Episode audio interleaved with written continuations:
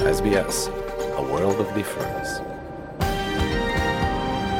You are with SBS Mongolia on mobile, online, and on radio. Та SBS Mongolian онлайн хөтөлбөртэй хамт байна.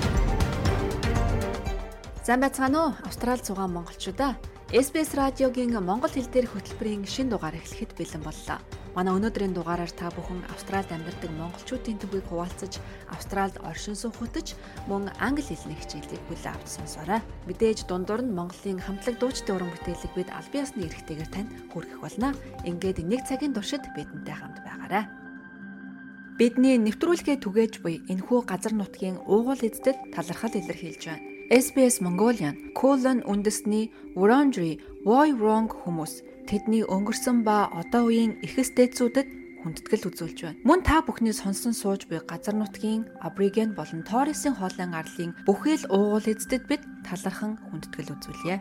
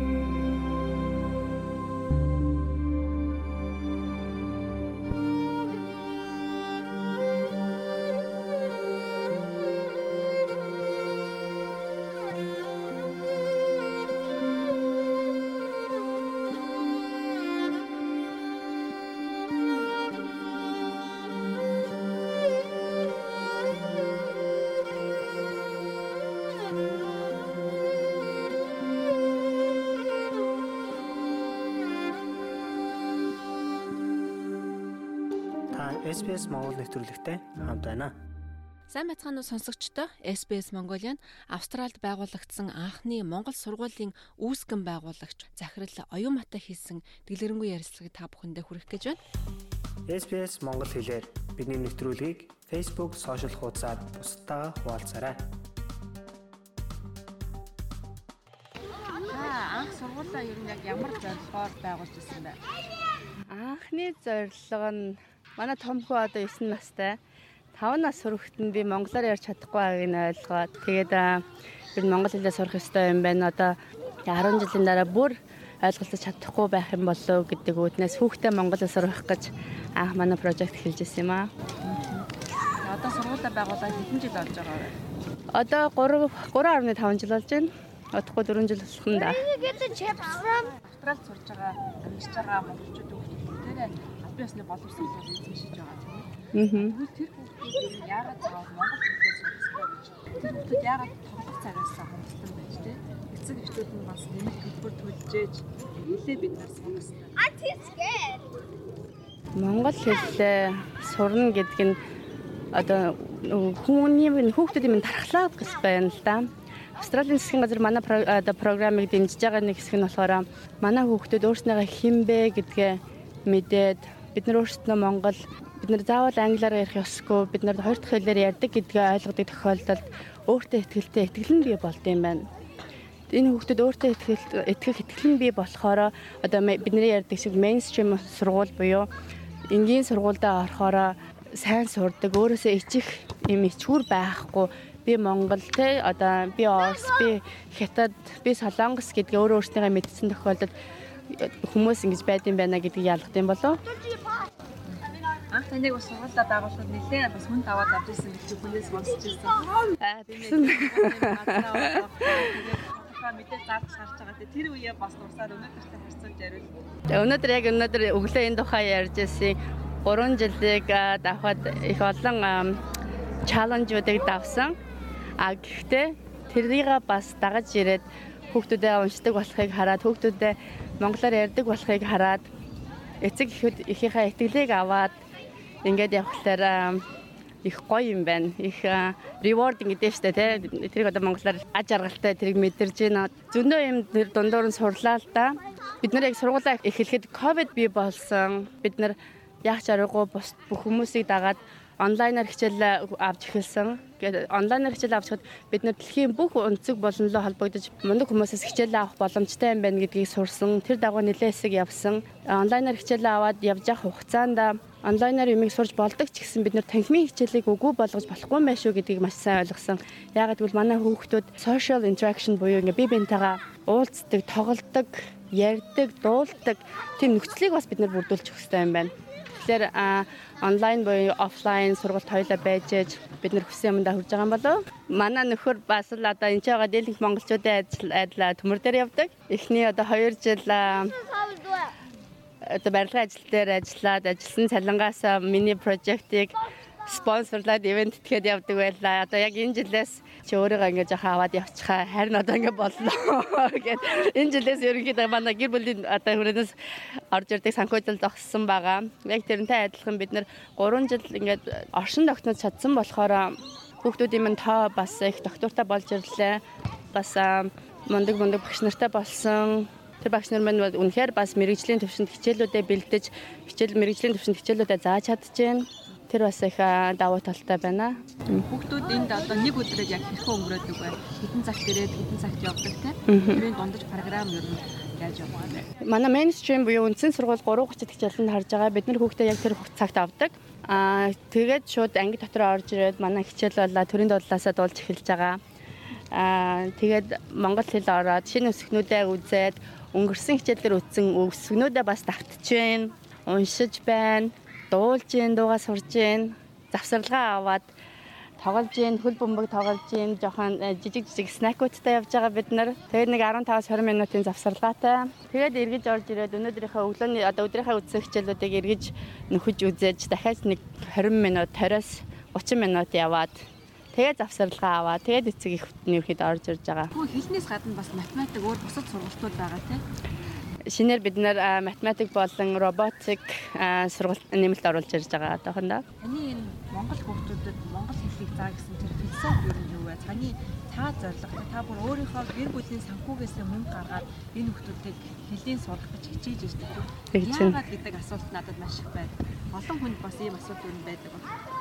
Өөрийнхөө гэр бүлээс өөрийнхөө хүүхдүүдээр үндэслээд ингээд харахаар хүүхд минь одоо 9 настай. Бид нар залуу насаа энэ чинь маш их ажил хийж хөдөлмөрлөж өнгөрөөж энэ хүүхдүүдийнхээ төлөө олон жилиг өнгөрөөж байгаа. Гэтэл одоо 2 жилийн дараа 5 жилийн дараа энэ хүүхдүүд минь монголоор яриа болчвол бид нартэй холбогдох боломжгүй болчиход байна. Бид нар өөр хүүхдээ алдах гад байна. Бид нар өөр хүүхдээ Австралид алдах гад байна. Би өөрийнхөө хүүхдийг ээж автай нь ярилмаар байна. Одоо зүгээр яг энэ асуулт бол бас заавал ярихгүй болно. Төмөр дээр ажиллаад сарын тийм хэд орчим доллар жилээр яригдж байгаа. Тэр ер нь яг жилийн ингээд нөгөө нэг дуусаар гаргаж ирж байгаа шүү дээ. Ер нь за би өнөөдөр тэдэн жил жилийн хон төлөв нөгөө нэг орлого тэр байлаа. Тэдэн тийшээ зарцуулагдсан байлаа гэдэг ямар ч одоо чинь 20 20 23 22 он 21 он дээр бол манайха хасах руу заасан байгаа. Тий хасах хэдтэй юм бэ? Хасах 6900 доллар жилд гарч ирж байсан. Ямар ч байсан бүх зардлаа гаргаад тий. Австралийн засгийн газраас бол энд одоо маш олон орны хүмүүс хүмүүстэйгээ яаж ажиллаж амьдардаг. Тэр хүмүүсийн бас хэлэл бас авч үлдэхийн тулд засгийн газраас тодорхой хэмжээний дэмжлэг үзүүлэх бодлоготой байдаг тий. Тэгтэй. Засгийн газраас ямар дэмжлэг өгд юм бэ гэдэг засгийн газраас манайх урсгал урсгал зардлыг дэмжиж байгаа Австралийн Австралийн засгийн газраас бид нар энэ програмд энэ тэтгэлэг хөтөлбөрт орохын тулд бас яг 3 жилийг ардаа бас гарах хэрэгтэй. Тодорхой хэмжээний хүүхдийн тоотой байх хэрэгтэй байлаа. Үйл ажиллагаа минь доктортой явж байх шаардлагатай байлаа. Тэгээд эхний мэдээж нэг жил ингээд 5 хүүхэдтэй 10 хүүхэдтэй тэтгэлэг хөтөлбөр орох боломжгүй байлаа. Ерөнхийдөө хүүхдийн тоо нэмэгдээд ирэх тусмаа бид нар хүүхдүүдийн цааш цаасын төлөвлөгөөнд оруулаад нэмэлт програмууд оруулаад арах юм програмууд тэтгэлэг хөтөлбөрөөр авах боломжтой болж ирж байгаа. А энэ нь юу хэлэх гээд байна гэхээр оршин тогтнох хэрэгтэй байдığım байна. Тэгээд 2 3 жилийн дараа одоо одоогийн байдлаар үйл ажиллагаа минь доктортой болон тууштай удаан үргэлжлэх байх гэж бодож байна. Монгол улсын боловсролын сайд бас саяхан Австралид ирэх үеэр танаас сургууль дээр зочилсан тийм ээ. Тэгсэн байгаа. Тэр үедээ бас нэг том амлалт өгчээсэн шүү дээ. Гадаадад яг монгол хэлээр зааж байгаа сургуулиудад бас улсын зүгээс туслах хэрэгтэй байна гэдгийг ингээс олж харлаа гэжсэн. Тэрний хариу юу нь ирсэн нь Тэрийг нэг follow up хийгээд имэйл бичсэн байгаа хариугаа хүлээж байгаа. Тэгээ удахгүй хариу ирнэ гэдэгт итгэлтэй байна. Та бусад эцэг эхчүүдэд юу хандаж юу гэж хэлэх вэ?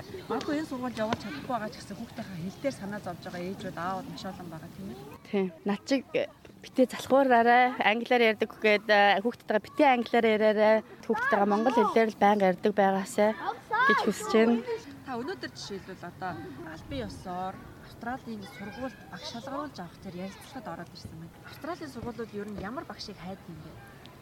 За яг өглөө өнөөдөр өглөө яг энэ West Infants баг сургуульд анги даасан багшийг авах ярилцлага авсан багш нараас шалгарууд нь бол мэдээж хамгийн түрүүнд анх Австралид ирсэн англиар ярьдгүй гэр бүлүүдийг яаж хүлээж авах вэ? Яаж тэр хүмүүсийг feel welcomed гэдэг штеп. Одоо юу лээ? Ухтан авдаг аюулгүй байдлыг хангах тэм сэтгэлийг ингэж төрүүлдэг тэм процессыг явд юм байна. Тэр дундаас ерөнхий ингээд мейнстрим сургуулиудад student support needs гэдэг нэг тустай танхим байдаг. Тэр нь болохоор яг янз бүрийн ингээд хөгжлийн бэрхшээлтэй тиймэрхүү хүмүүс сурдаг нэг департамент байгаа. Аа бас өөр англиар ярьдгүй хүүхдүүд ирдэг тийм supportlсан танхим байгаад байна. Тэрийг багш нар маань сайн ялгадаг байгаасаа гэдгийг сургуулийн захирлууд хардсан байна.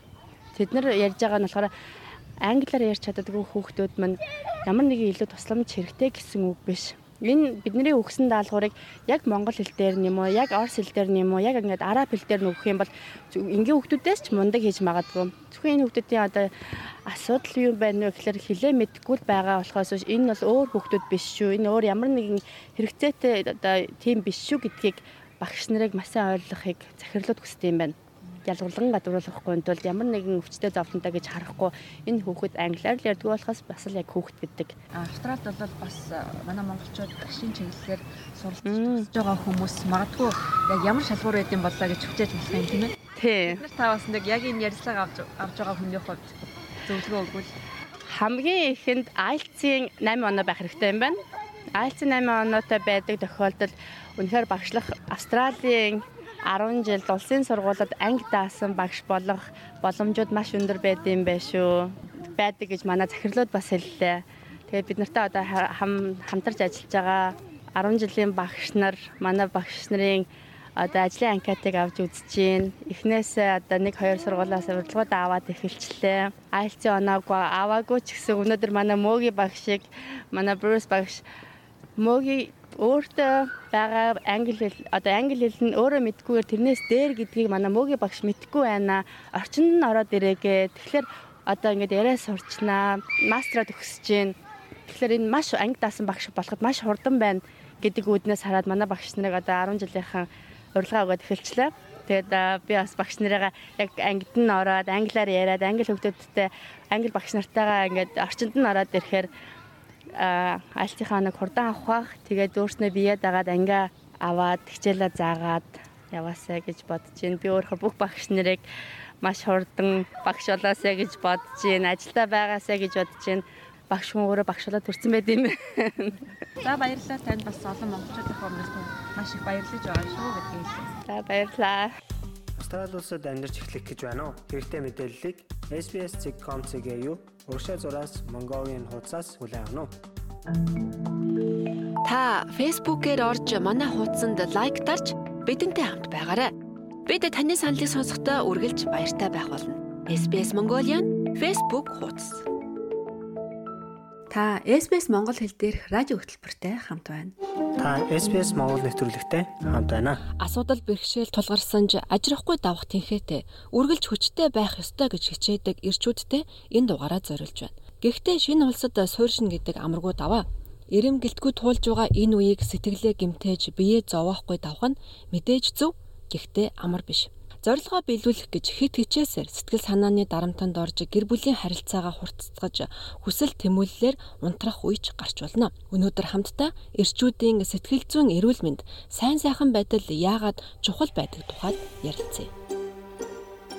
Австрали улсад байгаа бусад монголчуудтайгаа холбогдоорой. SBS.com.cg юу урагшаа зураас Mongolian хуудасаар зочлоорой. Австрали улсад шинээр ирсэн олон хүмүүсийн мөрөөдөл нь сайн сайхан амьдрал. Гэхдээ энэ мөрөөдөлд хүрэхэд олон саад тулгарч болно. Settlement Service олон улсын гэр бүл бэлгийн хүчирхийлэлтэд тэмцэх албаны менежер Jessica Harkins Австралид ирчүүдэд зориулсан хөтөлбөрүүдийн тухай мэдээллийг хуваалцаж байна.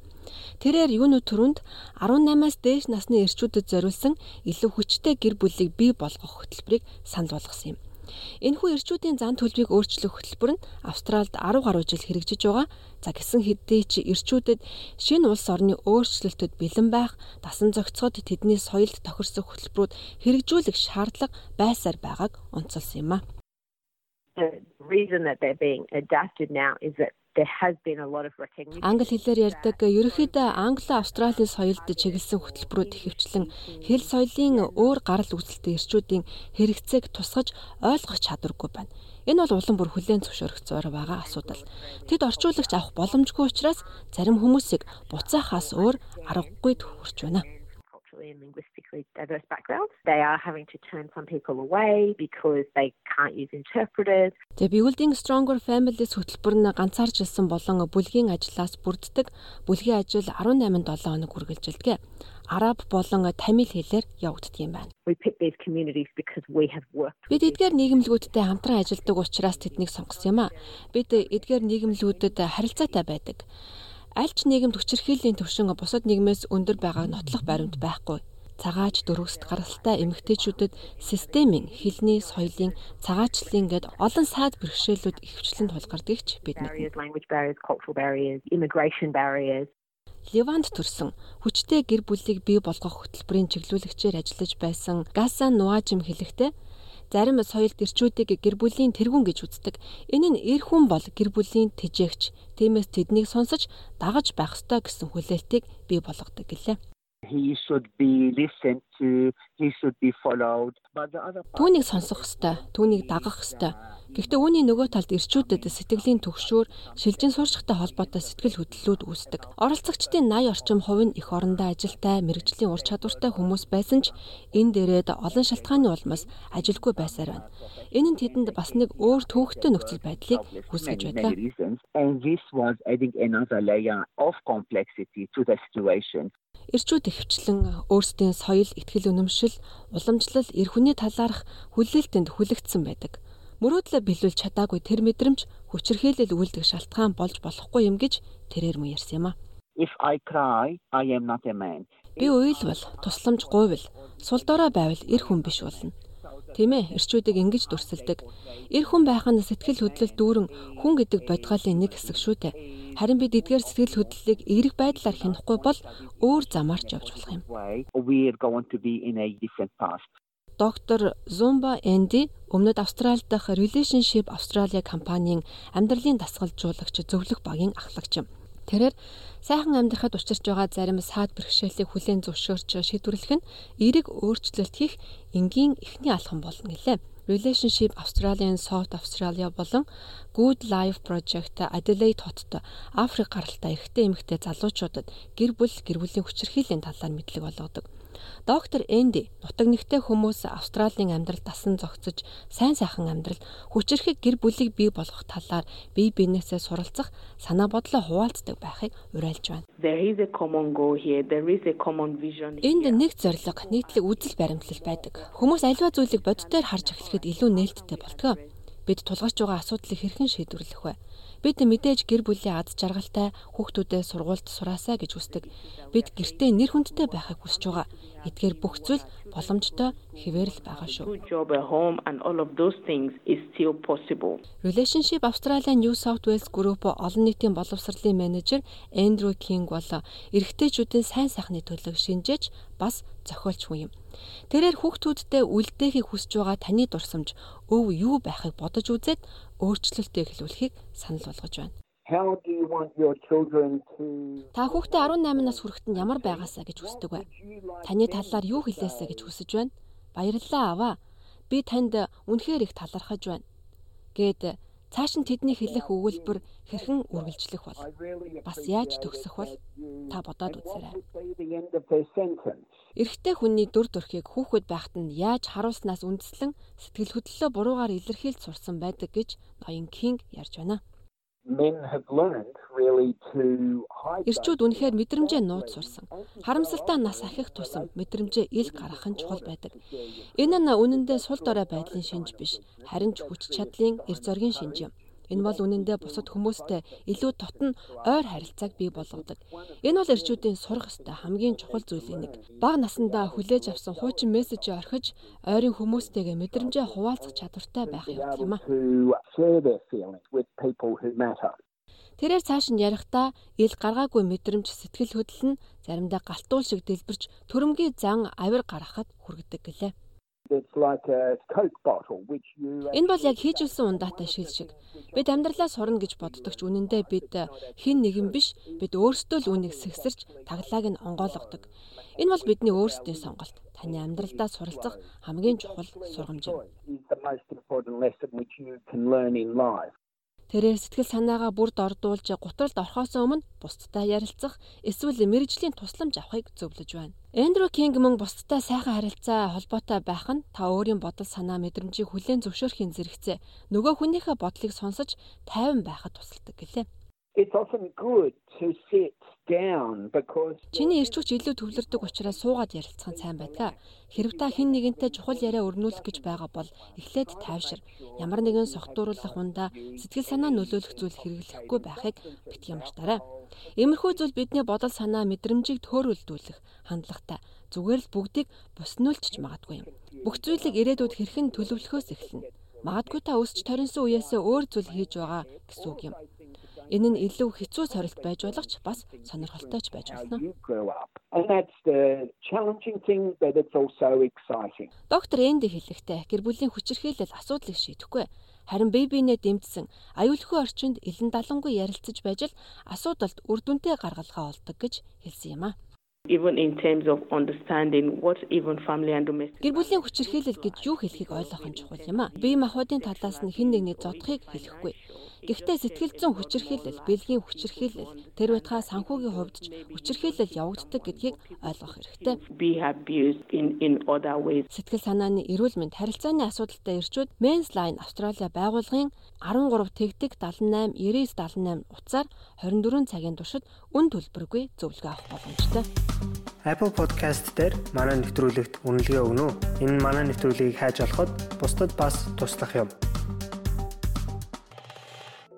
SBS.com .au ташуу зураас Mongolian таны онлайн өргөө байх болно. SBS.com.au/mongolian Та хамгийн сүүлийн үеийн мэдээ мэдээлэл сонин сайхныг хүлээ авч сонсоорой. Та SBS Монгол нэвтрүүлэгтэй хамт байна. Холбооны засгийн газар кибер гэмт хэрэгтэй тэмцэхэд 600 орчим сая доллар зарцуулахаа мэдгдлээ. Урт удаан хүлээлгсэн кибер аюулгүй байдлын стратегид танилцуулсан юм а. Кибер аюулгүй байдлын сайд Claire O'Neill 2030 он гэхэд Австрали улсыг кибер аюулгүй байдлын чиглэлээр дэлхийд тэргүүлэгч улс болгоно хэмээн мэдгдлээ. Та SBS Монгол нэвтрүүлэгтэй хамт байна. Холбооны засгийн газар удаан хүлээлгэсэн кибер аюулгүй байдлын стратегийн нэг хэсэг болсон үндэсний кибер хамгаалалтанд 600 орчим сая доллар төсвөлснөө зарлалаа. Энэ жил гэхэд Optus болон Medibank руу хийсэн томоохон кибер халдлагын дараа сая сая австралчуудын мэдээллийг хулгайлж онлайн тавигдсан байна. Кибер аюулгүй байдлын сайд Клэр Онел хэлэхдээ сүүлийн үеийн үйл явдлууд яаралтай арга хэмжээ авах шаардлагатай байгааг харуулж байна гэсэн юм а. Хэрвээ бид энэ жил болсон үйл явдлуудаас суралцсан бол одоо байгаа шигээ хараад сууцаж болохгүй. Эмзэг байгаа жижиг дунд бизнес эрхлэгчид болон иргэдийн мэдээллийг улс орон даяар хийсгэж, нисгэж болохгүй. Доголдож эхлэх нөхцөл байдлыг үүсгэж болохгүй. Энэ сарын эхээр буюу 11-р сарын 10-нд Австралийн хамгийн том бомбтын оператор DP World мөн кибер халдлагад өртөж улс даяарх үйл ажиллагаанд тасалдсан. Технологийн дэвшил нь улам том эрсдэл байж болох юм гэдгийг засгийн газар анхааруулж байна. Кибер орчин яг одоо бидний байж болох хамгийн муугаараа байна. Уламд ордож эрсдэл нэмэгдэх болох шалтгаанууд ч бидэнд байна. Иргэдийнхээ нүд рүү харж дахин кибер халдлагад өртөхгүй гэж хэлж чадах улс төрж энэ дэлхийд манай улсад ч байхгүй. Энэ кибер эрсдлийг тэг болгох төрийн бодлого сонголт ч байхгүй. Бидний хийх ёстой зүйл бол бид улс орноо амар онилогдох улс байлгаж болох. Засгийн газар кибер гэмт хэрэгтэй тэмцэх зорилгоор аюулгүй байдлын стратегид танилцууллаа. 600 орчим сая долларыг одоогоос 2030 он хүртэл зарцуулах бөгөөд жижиг дунд бизнесийг кибер халдлагатай тэмцэхэд нь дэмжлэг үзүүлэх юм. Мөн чухал дэд бүтцийг хамгаалах засгийн газрын кибер аюулгүй байдлыг сайжруулахад зориулж 146 орчим сая доллар бүс нутгийн болон дэлхийн кибер аюулгүй байдлын санаачлаганд 130 орчим сая доллар зарцуулах юм а. Тэд мөн өмнөх халдлагуудаас сургамж авахын тулд зам тээврийн ослын мөрдөн байцаагчтай адил тусгай зөвлөл байгуулахар болж байна. Австралийн үндэсний их сургуулийн технологийн бодлогын дизайны төвийн үүсгэн байгуулагч профессор Йохана Овер энэ бол амбицтай урт хугацааны төлөвлөгөө хэмээн ярьсан юм а. Look, I think it's a great strategy. Энэ бол сайн стратеги гэж би бодож байна. Маш өргөн хүрээтэй. Тиймээс энэ нь хувь хүмүүсээс эхлээд жижиг бизнес, аж ахуй, засгийн газар хүртэлх бүх зүйлийг хамарсан. Тиймээс энэ нь маш их амбицтай, өргөн хүрээг хамарсан, маш их зүйлийг хийх хэрэгтэй болно. Шин төлөвлөгөөний дагуу бизнес эрхлэгчид хакердуулсан бол мэдээлэл их шаардлагатай болно. Гэвч сөрөг хүчин шинэ стратегт огтхонч сэтгэл нь хөдлөөгүй хэвээр байгаа төдийгүй тэдний кибер аюулгүй байдлын төлөөлөгч Джеймс Паттерсон сэтгэл дундуур байна хэмээн мэдгдсэн байна. Өөр олон зүйл энд байж болох байсан. Энд байх ёстой. Энэ бүх яриа хэлэлцээрийн дараа Австрали энэ стратегиэс илүү кибер аюулгүй байх болов Энэ нь маш эргэлзээтэй байна. Үнэхээр сэтгэл дундуур. Энэхүү стратегийн зорилго нь Австрали улсыг 2030 он гэхэд кибер аюулгүй байдлын чиглэлээр дэлхийд тэргүүлэгч улс болгох явдал юм. Профессор Яахан хэлэхдээ засгийн газар сүүлийн үед олонний анхаарлыг татсан кибер халдлагын дараа олон нийтийн кибер эрсдлийн талаарх мэдлэгийг нэмэгдүүлэх шаардлагатай болсон гэлээ. Um, Бидэнд олон нийтийг хамарсан гурван талт арга хэмжээ байгаа. Засгийн газар үүнд анхаарлаа хандуулж салбарынх нь үнд санаа зовж байна. Хэрвээ бид дөрвтэй ахиц дэвшил гаргаж чадахгүй бол бид хизээч аюулгүй байдал кибер тал дээр дөрвтэй ахиц дэвшилд хүрч чадахгүй. Та SBS Монгол нэвтрүүлэгтэй хамт байна. Бусад сонирхолтой нэвтрүүлгүүдийг SBS.com.cg Mongolian вебсайтаас аваарай. Манай радио хөтөлбөр Монголын уран бүтээлчдийн дууг аль биесны эрхтэйгээр танд хүргэдэг. Ингээд нэгэн уран бүтээлийг танд зориулъя.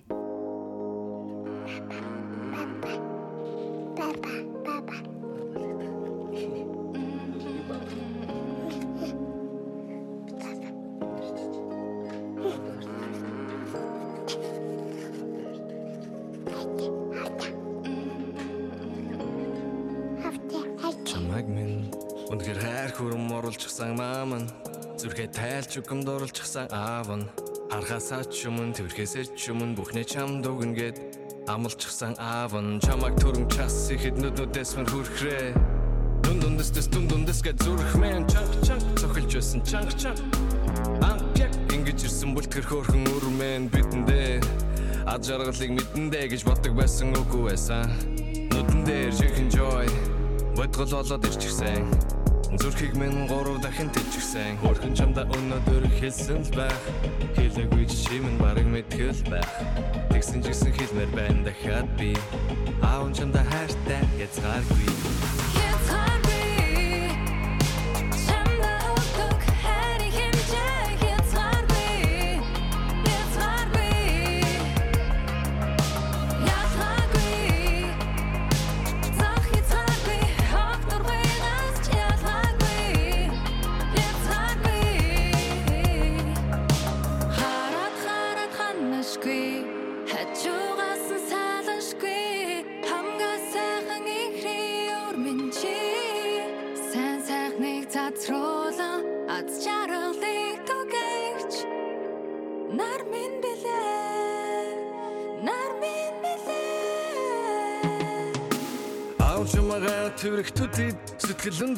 цэжний хүндийд цэцэг гурган зам болтоог чиний инээд намайг нилээд ихэр чилээж байсан асуудлыг бин жижиг болгон цомхолтоо Ярэ царэн арэл дэндүү игдүүтэй Аав ижинхэ төгс бүтэл төгс бүтэл чиний төлөө.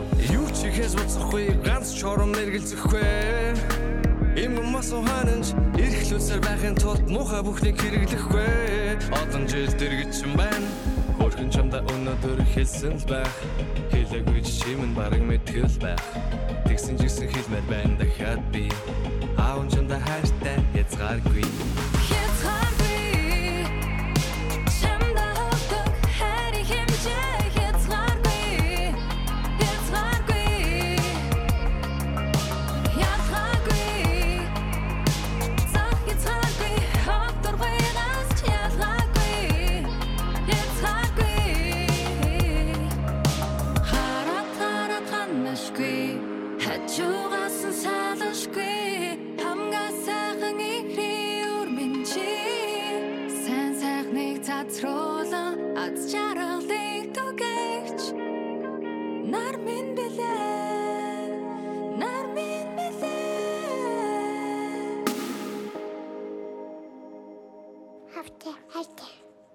SBS Mongolian Австралийн өнцөг булан борт суугаа монголчуудынхаа түүхийг хуваалцдаг.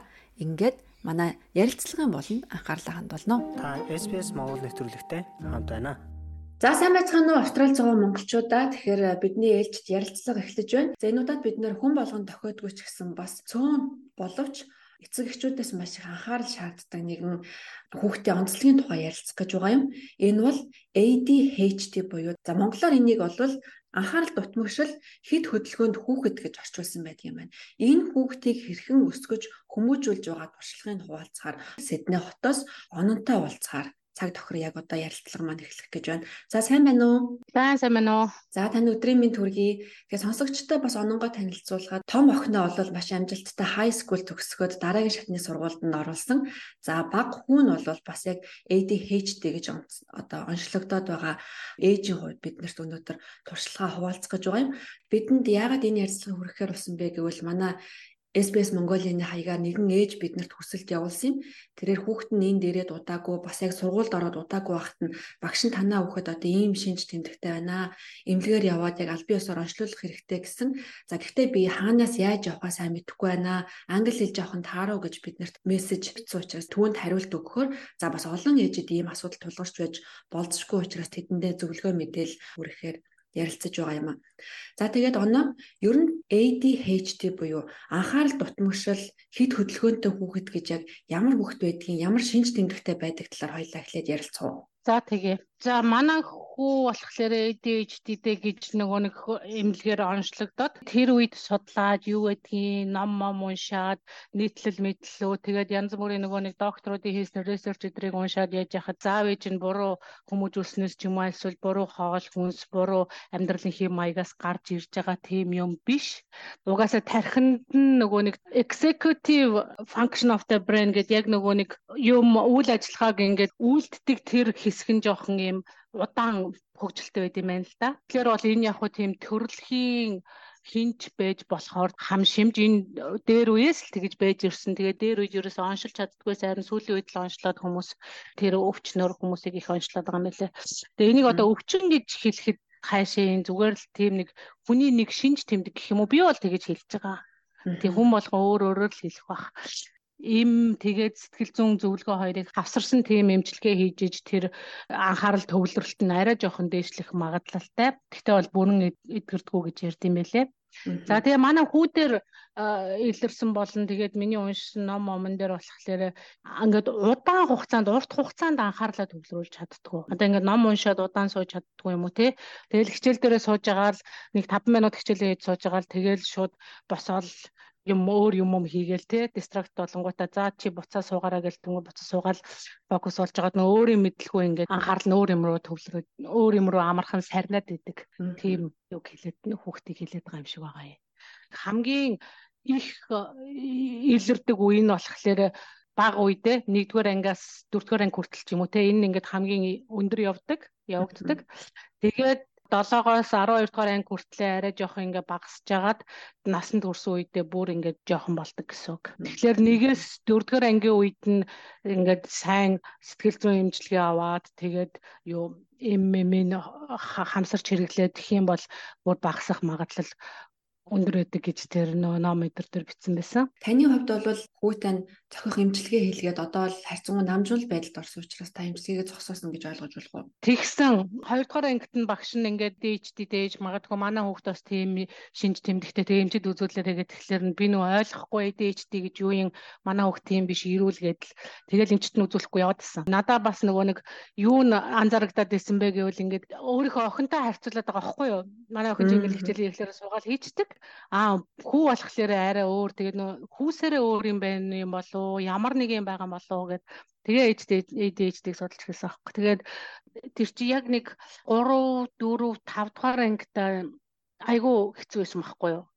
Ингээд ерөөсөө ингээд юм хийдгүү. Юу гэж тайлбарламаар яа ингээд тогтож сууж чаддгүй юм шиг байгаа нэ. Тийм, тогтож сууж чаддгүй яг үнэ. Тийм, төвлөрөхөөс бас ерөнхийдөө уучлаарай би энэ шинж тэмдгүүдийг бас харсан юм л да тэр ээжийн загтлыг хүлээж авснаас хойш одоо хичээл дээр бол бас сурах чадвар бусад хүүхдүүдтэй харьцуулахад арай бага. Яг тэгвэл тэр чинь нэг сайн төвлөрч чадахгүй болох тэр арай удаан сурдаг. За дараагийн нэг шинж тэмдэг бол өөр маш хөдөлгөөнтэй тэр хөдөлгөөнтэйгөөс болоод бас бусдад жоохон төвөг удах гэдэг. Одоо янз бүрийн ээлж дараалал хүлээх хэрэгтэй болвол ерөөсө хүлээж чаддаггүй шууд урдуунгүйгээд ордог. Хүний яриа тасалдаг гэдэг юм уу те. Зүгээр сууж чаддаггүй. Тэр зангаасаа болоод бас дуусгаагүй маш олон ажил тэр хүүхдийг байн хүлээж идэг. Тэрнээсээ болоод нөгөө ээж авдаа их загнуулдаг, эргэн тойрны хүмүүс нь шүүмжилдэг. А тэрнээсээ үүдэлтэйгээр бас өөртөө ихтгэлгүй болох явдал ийм шинж тэмдэгтэй хүүхдүүдэд их байдаг гэж би бас уншиж байсан юм л та. Тэгээ хоёлаа үнэ. Таны онцлуулсан процессыг бас яг тодорхой ярмаар байна. Хаанаас эхлэх вэ? Ер нь хүүхдээ албан ёсоор онцлуулъя гэвэл би миний хувьд болохоор тэр нөө сургуулийнхын сэтгэл зүйчдэр эхэлж үзүүлээд тэгээд тэрнээсээ нөгөө нэг реферал цаашаа явуулах нөгөө хүсэл бичгийг авсан. Тэгээд цаашаа хүүхдийн эмчдэр очиод тэгээд тэд нар оншилтын бэлээ. Эний чинь цусны шинжилгээгээр ч юм альсвал яхаа мэхагоор оншилно гэж байхгүй танхимархийн нөгөө яхад харуулна гэж байхгүй зүгээр нөгөө асуултаар л тодорхойлдог. Хэдэн дамжлага байдаг гэж би сонссон. Тий, эхлээд ярилцлага хийн юм чинь хүүхдтэй. Тэгээ ярилцлага хийгээд нөгөө нэг тэр нэг зам байдлыг ажиглана штэ. Тэгээ чиний хэлж байгаа тэр зам байдлууд байна уу байхгүй байна уу? Ямар хөө бие авч явж гин гэдгийг анзаараад тэгээд нэг форм бөглөөд тэгээд эцэг ихт нэг юм асуулга өгнө. Тэгээд тэр асуулга нь болохоор нэг 40 хэдэн асуулттай бүгд ч одоо ямар үед ямар зан гаргаж ийн гэдгийг ингээд тэрийг нь би бөглөөд а нөгөөх нь нөгөө асуулга нь болохоор багшд нь өгөх юм байлээ. Тэгээд тэр хоёрыг нийлүүлж яагаад одоо хариултуудын нэмээд гаргаад ирэхлээр хэдүүдийн 50-аас дээш бол ADHD 50-аас доош бол ADHD биш ч юм уу нэг тийм хариу гарч ирнэ тий. Тэгээд тэр хариугаараа л ADHD-г бол тодорхойлт юм байлээ. Хоёр дахь удаага уулзсны дараа эмийн эмчилгээ болон сэтгэл зүйн эмчилгээ санал болгох юм байлээ хүүхдэд. Эмний тухай тодруулж асууя. Энэ эм нь бол яг тухайн цаг мөчтэй хүүхдийг одоо доктортой суулгахад тусалдаг гэж байгаа тийм. Ямар нэгэн side effect сөрөг тал байх уу? Магадгүй тэр эмэндээ дасал болчдөг ч юм уу тийм. Дараа нь тэрийг уухгүй бол төвлөрч чадгаа болчдөг ч юм уу. Тиймэрхүү зүйл байдаг болов уу? Бидний эцэг их нь өөртөө өгөх үгүйгээ бидний нөгөө шийдэх асуудал гэж байгаа байхгүй. Тэд нар бол уу гэж шахахгүй. За тэр юм нь болохоор эдгэхгүй гэж байгаа. Энийг уугаад ангууд эдээ чинь зүгээр болно гэж байхгүй. А тэгтээ ууж явах үедээ нөгөө нэг анхаарал нь төвлөрөлт нь илүү сайн болно гэж байгаа байхгүй уухгүй бол буцаал нөгөө нэг хэвэндээ анхаарал төвлөрөлт нь бага хэвэндээ болчихно. Тэгээд би хүүхдтэй уухээс өмнө өөрөө ууж үзвэ. Яд юм байна гэд. Тэгээд уусан чинь нэрэл юм сонин юм ямар эмошн нь багасгчдээ юм шиг байлаа. Миний ойлгож байгаагаар бол ямар нэгэн эмошн идрийг багасгаал тэгэл ерөөсөө э, ямар зэн бүрийн хийх юм байвал ингээл зогсолтгүй хийгээд идэг. Side effect нь болохоор нойр нь багасгана. Орой унтахгүй хийцүү. Тэгэхээр дахиад эмчтэйгээ уулзаад ингээд унтахгүй байна гэнгүүт тэгвэл нойрны юм уу гэж байгаа байхгүй юу? ADHD-ийн нэгуга дээрээс нь нойрны юм уу гэж тэгчээж унтна гэд. Тэгээ сүүлдээ бүр айгүй олон юм уух гэдэг тэгэхээр тэгээд би эмнээс нь зогсоосон юм. Тэгээ хүүхдийн шинж тэмдэг бол хэр өөрчлөгдсөн бэ? Та эмнээс гадна сэтгэл зүйн бусад эмчилгээг нь хийлгэсэн үү? Сэтгэл зүйн эмчилгээг нь бас хийлгэсэн би болохоор нөгөө яг хувийн тим эмнэлгийн сэтгэл зүйч биш community-гийн сэтгэл зүйчтэй сургуулийн сэтгэл зүйч нь холбож өгөөд сургуулийнхаа нөгөө нэг консулаас сайн асуух юм байлээ. Би ингээд сэтгэл зүйч хэрэгтэй байна. Гэхдээ ингээд би affordable юм хэрэгтэй байна гэхэлэр тэд нар цаашаа өөрсдийнхөө шугамар хайгаа судлаад тэгээд олоод өгөх юм байлээ. Ер нь сэтгэл зүйн талын эмчилгээ онцлогоо ер нь Австрал нэлээд үнэтэй байдаг. Та энэ тестүүдэд хийлгэх хэд орчим доллар болж исэн. За магадгүй эрүүл мэндийн даатгалаас одоо хөнгөлөлт авч чадсан уу? Эсвэл одоо Австрал улсаас ийм хүүхдүүдийг дэмжих тийм одоо дэмжлэгүүд байдгүй. Яг онцлоход бол штэ ямар нэгэн дэмжлэг эднэр авч чадаагүй хүүхдийн эмч сэтгэл зүйн талаар онцлоход бол үнэтэй байт юм байлээ. Эхний удаагийнх нь уулзалтанд 400 доллар гэ тэгээд даатгалаас буцаан олголт өгч чаддгүй юм байлээ. Дараагийнх нь 2 дахь 3 дахь уулзалт нь 250 250 доллар гэж явт юм байлээ. А дараа нь нэр эмчилгээнийхээ үед болохоор нөгөө сэтгэл зүйчтэй уулзсан шүү дээ. Юу сургуулийнхаа юунд хэлээд сэтгэл зүйчт хэлээд би ингээд э, тийм үнэтэй эмчилгээ авч чадахгүй нэ гэхэлэр тэр нөгөө нэг community сайн дурын юу өнгөө имчилгээ эднэр өгдөг тэр газар руу холбож өгд юм байлээ. Одоо танаа хүүхэд 4-р ангид байхдаа уншлуулсан. Одоо 7-р анги тий. Одоо юм хэр өөрчлөгдөж байна. Бас ингээд томрох тусмаа харьцангуй намждаг гэж бас таны ярианаас ойлгосон. Томрох тусмаа харьцангуй намжчихдээ юм байлээ. Тэр сэтгэл зүйн имчилгээнийх тусалсан. Им нь тэр үедээ бас тусалсан бах. Ер нь бол 6 дугаар ангиас хойш хамаагүй сайжирсан шүү. Би бас нөгөө нэг өөрөө энэ нөгөө ном момын уншаад research эдрийг нь хараад ахлаар эцэг эхийн зүгээс хүүхдтэйгээ харьцах нь аягүй чухал байт юм байлээ. Харин тэрийг би бас гонцолж байна. Энэ чинь нөгөө ADHD гэдэг тэгэхээр ямар нэгэн нэг өвчин мөвчин тийм гоо юм бол биш. Зүгээр л тархиных нь нэг э, үйл ажиллагаа л удаан явагддаг байгаа шүү дээ, тий. Тэгэхээр чи одоо тийм ADHD те чи тийм өвчнөтэй гэж хүүхдтэйгээ ерөөсөө харилцаж болохгүй Яг л нормал хүн шиг. Тэгтээ уурлахгүйгээр байнга давтамжтай хэлэх. Одоо ингээ хувцас өмсөрөө, одоо явахтаа бэлдээрээ ч юм уу те. Тэгэл орой хичээлээ хийж яхад нь За чи даалгавраа одоо 5 минут хийчих тэгээ 2 минут амарчих дахиад 5 минут хийж 2 минут аварчих гэл нэг доор 30 минут суулгах гэж ингээл загнаал уурлаал тэгээд авахгүйгээр хаалга төвлөрж байгаа үед нь хийлгээл буцаж амраагаал. Тэгэхгүй бол ингээд тэртээ тэрэнгүү удаан цагаар сууж чадахгүй юм чинь цаанаасаа бие организмын тархин угаасаа тэгж чадахгүй юм чинь хүчээр тэрийг нь хийлгэх гээд уурлаад стресстэй байх шаардлагагүй юм байл. Тэгэхээр ийм хүчтэй эцэг эхчүүдээс бол илүү төвчээр шаардах нь шүү дээ тий. ADHD гэж юу юм гэдэг талаар нь өөрөө ойлгоод авчвал хүүхдээ ойлгоход илүү амар юм билээ. Энэ бол эцэг эхийн хүмүүжлийн буруу аргарлаас эсвэл одоо ээж нь хүүхдээ тээж явахдаа ямар нэгэн хорт зуршлаас болоод ээжийн ээжээсээ болоогүй тухайн хүүхдийн онцлог юм а гэдгийг бас тэр мессеж утсан ээж одоо сонсож байгаа хаа гэж бодож байна. Яг тэгвэл тэр ээжийн захианаас харахад нэлээ өөрийгөө буруутгсан байгаа нь анзаарагдаад байсан л та. Яг үнэн тэгээд хүмүүс ингээд өөрсдийгөө буруутгаад идэв юм бэлээ. Одоо эн чинь миний хүүхд бос хүүхдүүдээс өөр вэ? Би л ингээ болохгүй юм хийчээд тэгээд ингээд тэгэхээр чин тэр чин бидний буруу биш хүүхдийн буруу биш. Угаасаа л зүгээр өөрийнх нь онцлог төрхтөө тэгээд өрцөн тийм онцлогтой. Тэрэнд нь тааруулж бид нар тэрийг нь хүлээж аваад ойлгоод харилцах хэрэгтэй юм билээ. Тэрийг нь ойлгохгүйгээр нөгөө бусад хүүхдүүдтэй адилхан байх гад Тэгээд өөрийгөө ч уурлуулад хүүхдийгээ ч зовоогоод тэр чин тархин угаасаа тийм өөр болохлээр яаж мянга хүчлээд өөрийнх нь хүсэж байгаагаар байж болохгүй болохоор тэрийг сайн ойлгох юм бэл. Танд хитрхи шахахгүй байх нь чухал юм байна. Харин тэгээд нэр би ийм мэдж авсан. Сургуулийнхаа нөхцөл зүйчтэй сайн харилцаж ажиллаараа. Тэгээ сургууль дээр тийм програм байт юм билээ. ADHD хүүхдүүдэд яаж хичээл заавал дээр үү, яаж харилцуул дээр үгээд Тэгвэл багш нар эдгээр нь ойлгоод тий. Ер нь бол эхний шатнд багштайгаа ярилцаад цаашдаа ямар арга хэмжээ авах вэ гэдэг эхний алхам ер нь бас сургуулийн сэтгэл зүйч байх юм байна гэдгийг онцолж хэлмээр санагдлаа. За тэгээд цаг зав гаргаж ярилцсан танд маш их баярлалаа. Таны хоёр хүүхдээ хүмүүжүүлж байгаа энэ арга туршлага манай Монгол ээжүүдэд маш их хэрэгтэй зөвлөгөө байдаг шүү. За баярлалаа. Гурван хүүхдээ болцоо. Оо тийм үү. За баяр хүргэе. Тэгвэл саяхан төрсэн байх нэ сүүлд ярьцлага авснаас хойш. За баярлалаа. Тэгсэн сая 2 сард. Оо за за. Тэгвэл шинэ маматаа байгаа. За за за танд баяр хүргэе.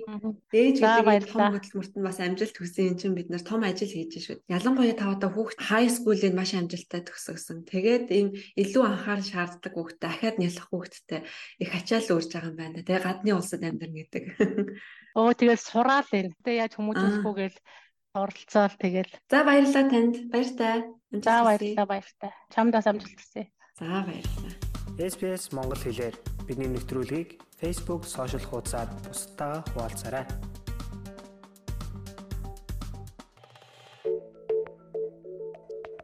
Манай нэвтрүүлгийг та гар утсаараа үнгүй сонсож болно.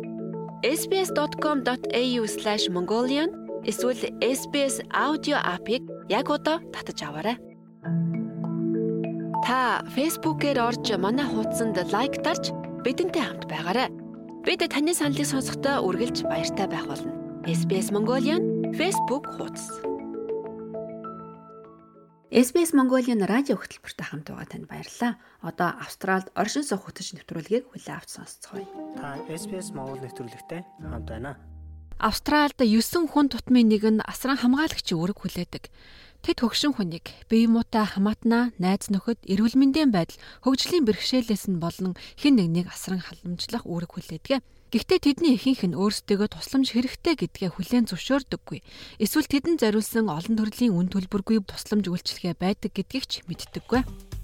Apple Podcast дээр манай нэвтрүүлэгт үнэлгээ өгнө үү? Энэ манай нэвтрүүлгийг хайж олоход бусдад бас туслах юм. Австралид 2.7 сая орчим хүн асран хамгаалагчийн ажлыг ямар ч цалингүйгээр гүйцэтгэж байдаг. Тэд эр юм хөгшин залуу амьдралын хэв маягаас үл хамааран асаргаа хэрэгтэй нэгнээ халамжилдаг. Гэхдээ тэдний нэг нийтлэг зүйл бол тэдний амьдралд үргэлж хэн нэгний дэмжлэг хэрэгтэй байдаг юм а. Асран хамгаалагч гэдэг хүсэлт гаргаж орсон ажил үүрэг биш. Бид хизээд юу ч тохиолдож болох таамаглах боломжгүй стресстэй нөхцөлд амьдардаг ийм үүрэг магадгүй гинтэл ирдэг. Энэ бол нийгмийн ажилтан Пети Кикос юм. Тэрээр өөрөө асран хамгаалагч бөгөөд асран хамгаалагчийн яриа подкастын хөтлөгчөөр ажилладаг юм а. Зарим хүмүүс хайртай хүн нь осолд орж өвчин туссны дараа гинтэл асрагч болж хувирдаг. Зарим нь ийм үүрэгтэй төрдөг. Харин харин зарим нь зүгээр л аажмаар асран хамгаалагчийн үүрэг хүлээх ёстой болдог. Асран хамгаалагч гэдэг нь өдөр тутмын амьдралд нь тусламж хэрэгтэй байгаа өндөр настан хөгжлийн бэрхшээлтэй, сэтгцийн эмгэгтэй, архаг эдгэшгүй өвчтөй, арх, хар тамхины асуудалтай, сул дорой хүмүүст үн төлбөргүй тусалдаг, дэмждэг хүмүүсийг хэлдэг юм. Тэд бол хүмүүсийн гэрт нь очиж туслаад цалин авдаг асрагч биш. Эсвэл туслах ажилтан бүрч биш. Манад дөнгөж хөлд орж хилд орсон цагаасаа л эхлэн халамжлах үүргийг хүлээдэг болсон балчир асран хамгаалагчд байдаг. Бас ямар ч үндэстэн хүмүүс байж болтгоо. Тэд бие махбодын болон хувийн тусламж үйлчилгээ үзүүлэхээс эхлээд сэтгэл санааны болон нийгмийн дэмжлэг үзүүлэх хүртэл янз бүрийн үүрэг хүлээдэг. Ерөнхийдөө өдөр тутамдаа бол төднийг хувцлах, шүршүүрт оруулах, бие засуулах, хооллох, цэвэрлэх, эмийг нь уулгах зэрэг олон төрлийн үүрэг хүлээдэг. Асран хамгаалагчид мөн үйлчилгээний байгууллагын цаг авч хамт очих яаралтай тусламж хэрэгтэй үед нь байнга хажууд нь байх ёстой. Австралийн эрүүл мэндийн болон нийгмийн халамжийнхан ийм цалингүй асран хамгаалагчдад тусдан зориулсан үйлчилгээ үзүүлэхийн цухлыг хүлээн зөвшөөрдөг. Халамжлагчийн ажил ихэнхдээ урт хугацааны бөгөөд бүхнийг хийх ёстой болдог. Тэд хэдий ч их үүрэг хариуцлага хүлээн төдий ч их ачаалал үрдэг. Халамж үзүүлж байгаа хүний ажил ер нь тодорхойгүй эмх замраагүй байх нь бий. Өө бурхан минь ингэж эхлээ. Өө бурхан минь ороо норгочихсан байна. Би энэ муу байна. Эмчэд үзүүлэх үү, эмнэлэг явах уу гэдэл.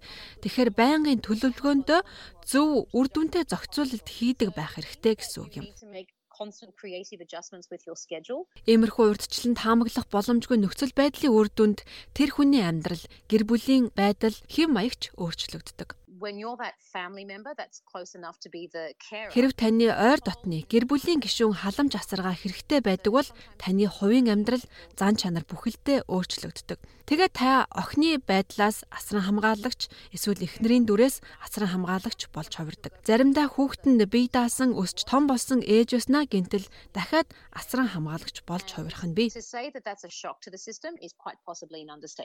Олон асран хамгаалагчид өөрсдөө ийм хүн гэдгээ хүлээн зөвшөөрдөг өгдөггүй. Тэд өөрийгөө халамжлахыг үл тоомсорлог байж магадгүй юм. Тэдэнд ирдэг ачааллыг дагсан сэтгэл санааны дарамт, санхүүгийн бэрхшээл, нийгмээс тусгаарлагдмал байдал, өдөр тутмын ачааллыг даван туулахад нь туслах үйлчилгээ байдаг гэдгийг ч мэдэхгүй байх нь бий. Тэдний хувьд Australian Service Central Link болон My Aged Care гэх мэт байгууллагаар дамжуулан асран хамгаалагчийн 2-7 хоногийн тэтгэмж болон бусад дэмжлэг авах хэрэгтэй байж болно. Тэтгэмжийн хэмжээг асарч байгаа хүн болон асран хамгаалагчийн өөрийнх нь орлогод үндэслэн тогтоодог тул хувь хүний нөхцөл байдлаас бүрэн шалтгаалan өөр өөр байдаг. Гисэн ч орлогын хэмжээ тогтоолгоогүй хүмүүст ч зориулсан бусад үн төлбөрийн үйлчилгээ байдаг. Та Career Gateway-гээр дамжуулан ийм дэмжлэгийг ихэнхд нь хандах боломжтой. When you call the national number it will automatically connect you to your Таныг улсын дугаар руу залгахад орон нутгийн үйлчилгээ үзүүлэгчтэй автоматар холбож өгнө. Та яаралтай амрах хэрэгтэй. Асран хамгаалагчийн чиглүүлсэн дэмжлэг үе тэнгийнхний туслалцаа зөвлөгөө хөнгөвчлөх тасгалжуулагч зэрэг үйлчилгээнд хамрагдах боломжтой. За мөн манад залуу асран хамгаалагчийн хөтөлбөр байдаг. Мөн бид сэтгэл зүйн байдлыг ойлгох хоол тэжээл, эрүүл мэнд, йог, бясалгал, за тэр чуудаа урлагийн эмчилгээний хичээл гэх мэт таны халамжлах үүргээ гүйцэтгэх тань туслах байнгын онлайн сургалтуудыг явуулдаг. Nutrition, health, yoga, meditation and even art therapy classes. Энэхүү тусламжийн багцад мөн хэд хэдэн үнгүй ганцаарчсан сургалтуудыг авч болдог. Ингэхдээ та утсаар видео дуудлага хийж мөн биеэр уулзсан сургалтуудыг авах боломжтой. Ирак төрсэн Хай Алхи Лалил бол Career Gateway-д 2 жил гаруй асрагч дасгалжуулагчаар ажиллаж байгаа хүн юм. Тэрээр олон хамтагч ажиллагчдынхаа нэгэн адил бусад асран хамгаалагчдыг дэмжих хүсэл эрмэлзэлтэй байдаг. Түүний хувьд хүнд гэртэл авсан учраас асруулах шаардлагатай болсон юм. Асран хамгаалагч нар надад өөрсдийнхөө талаар ярихад ээж минь юу туулж байсныг би ойлгодог. Career Gateway үйлчилгээ бол асран хамгаалагчтай тулж ажилладаг. Ахмад настай өвчтөе хүнийг асрах зэрэг олон үйлчлэгээ байдаг боловч Career Gateway нь яг асаргаа хийж байгаа тэр хүмүүст анхаарлаа хандуулдаг юм. Үүнийг зарим хүмүүс ойлгоход амаргүй байдаг. Дандаа л тэдний асардаг хүнийг анхаардаг бол манайх очиод танд өөрт тань юу хэрэгтэй байна? Та юу хүсэж байна гэхээр гайхсан, их цочирдсан санагддаг.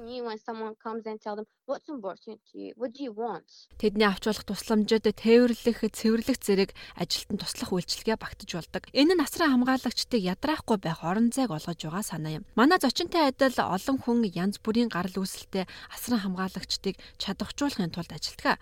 Тэрээр хэлэхдээ олон цагаач асран хамгаалагчид өөрсдийн давуу талыг мэддэггүй. Тэд өөрийгөө халамжлах, зориг тавих, зөвлөгөө авахын ач холбогдлыг тэр бүр ойшоодөггүй. Тэднийг чадваржуулах нь яагаад чухал болохыг тайлбарлахад амаргүй байдаг. Дараагийн сорилт бол хөгжлийн бэрхшээлтэй гэр бүлийн гишүүнээ асарч байгаа хүнд ирдэг гутаан доромжлол, санаа зовх мэдрэмж юм. Маш олон асран хамгаалагчид гэр бүлийнхээ хөгжлийн бэрхшээлтэй хэн нэгнийг асарч байгаагаасаа болж хамт олноосоо холбоо тасардаг. Ахмад настай хүнийг асарч байгаа хүмүүс улирал тутам гаргадаг Австралийн асран хамгаалагчийн гарын авлага сэтгүүлээр дамжуулан маш их мэдээллийг авах боломжтой. Пол Кори өөрийн хөгшин настай эцэг эхээ асран халамжуулж байхдаа энэ сэтгүүлийг гаргаж эхэлсэн гэлээ. Та ямар ч заавар чиглэлгүй бүхэл бүтэн ертөнцөөр алхана. Асран хамгаалагчид өнөө хүртэл үл анзаарагдаж, үнэлэгддэггүй, тэдэнд хайхрамжгүй ханддаг байсан учраас бид энэ сэтгүүлийг гаргаж эхэлсэн юм а.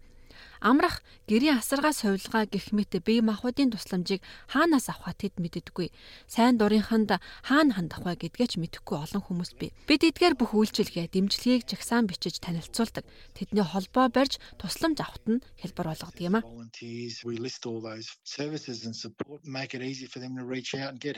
ПТК-с үүнтэй санал нэгдэж тусламжийн гараа сунгах нь асран хамгаалагчдын сайн сайхны төлөө амин чухал зүйл юм гэлээ.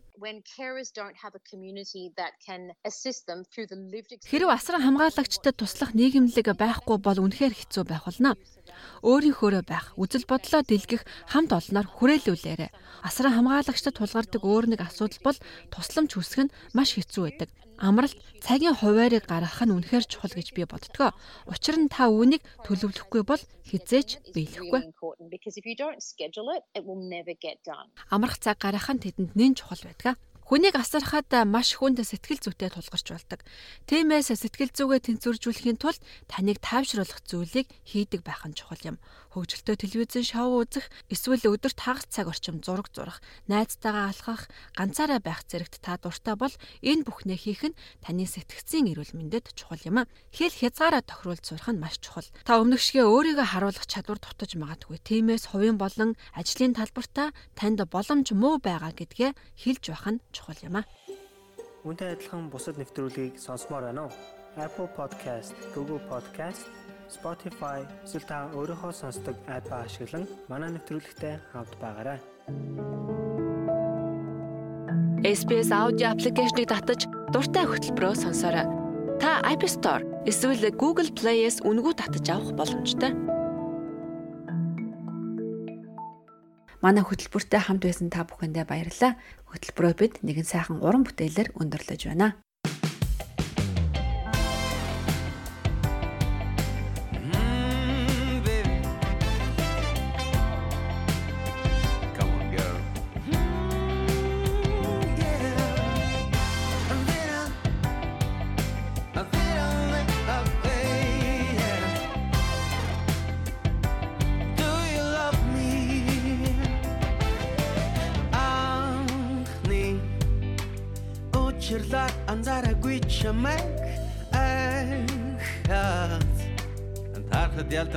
Минь эмсэглэж чин татсан.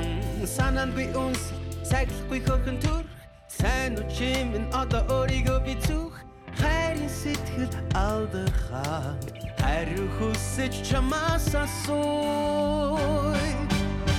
Хайртай юу надад yeah Ариух чин хүлэн сон Хайртай юу надад? Хайрыг чин хүсэн Хайртай юу надад санах нэгрэм сайхан Чиний сэтгэл сэлмээр байна. Хайртай юу надад Ара Болгон чамайг ярихыг би хүлээн Айхан тэнгэр намайг ойлгосоо гэж би хүсэн. Миний хэлэх үгс Төвний бүх юм төгс Магадгүй чамайг ойлгоогүй мэдэхгүй олон зүйлс. Итгэл минь чамд алдраагүй Эргээд чама санасуй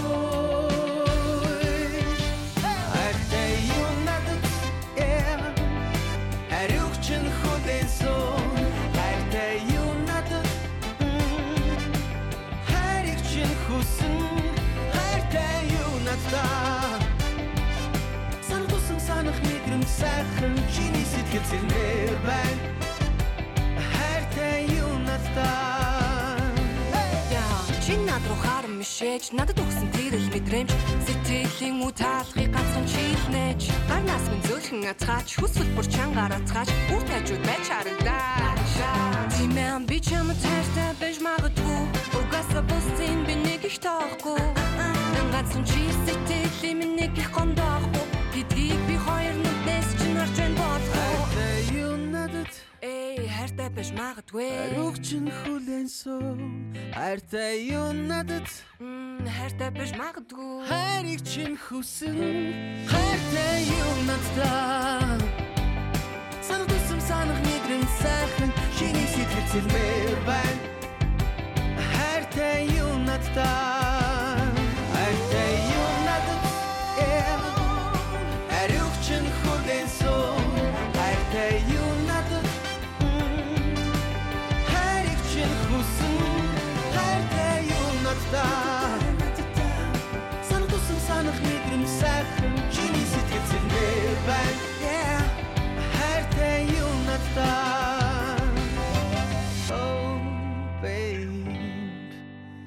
Хайртай юу надад